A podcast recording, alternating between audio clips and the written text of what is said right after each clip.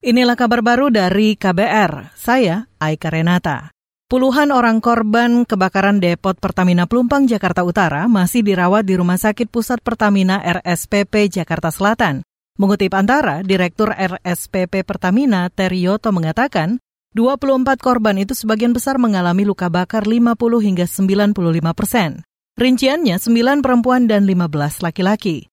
Dari jumlah itu, tiga di antaranya balita. Sejumlah upaya pemulihan dilakukan antara lain dengan memberikan antibiotik dan operasi. Kata Terioto, biaya perawatan hingga pulih digratiskan untuk korban. Saudara, Jumat pekan lalu, depot Pertamina Pelumpang terbakar. Sekira 19 orang tewas dan puluhan luka-luka. Polisi masih menyelidiki penyebab kebakaran. Kita beralih, Menteri Perindustrian Agus Gumiwang Kartasasmita telah mengusulkan anggaran subsidi kendaraan listrik ke Kementerian Keuangan. Agus mengusulkan bantuan pemerintah terhadap pembelian motor listrik di tahun ini sebanyak 200 ribu unit. Kemudian untuk mobil listrik 35 ribuan unit dan bus 138 unit. Kami sudah memberikan skema yang melibatkan beberapa lembaga, termasuk di dalamnya adalah ada perbankan sendiri, ada produsen, tentu ada kami sendiri yang nanti akan ditunjuk sebagai KPA, kuasa pengguna anggaran, dan kami sudah siap untuk itu, verifikator, sehingga kita betul-betul memastikan bahwa yang kami berikan bantuan pemerintah terhadap belanja motor, mobil itu orang-orang yang memang kami anggap berhak. Menurut Menteri Perindustrian Agus Gumiwang, pedoman umum bagi program subsidi ini akan rampung seminggu ke depan dan segera disahkan ke Kementerian Keuangan sebagai salah satu syarat pencairan anggaran. Ia berharap anggaran subsidi tersebut bisa segera cair agar program ini bisa segera terlaksana pada 20 Maret 2023.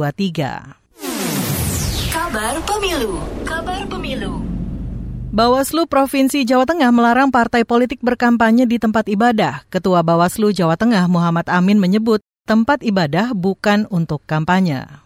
Semua ini kita gunakan untuk sistem pengawasan karena memang kewenangan kita, terutama terkait dengan kepemiluan. Misalkan sosialisasi kok di masjid itu kan larangan. Ya. Harusnya kan semua tempat ibadah itu untuk beribadah, tidak untuk melakukan kampanye politik tertentu ya. yang mencederai mungkin agama-agama tertentu. Begitu juga sekolah-sekolah, tempat ibadah.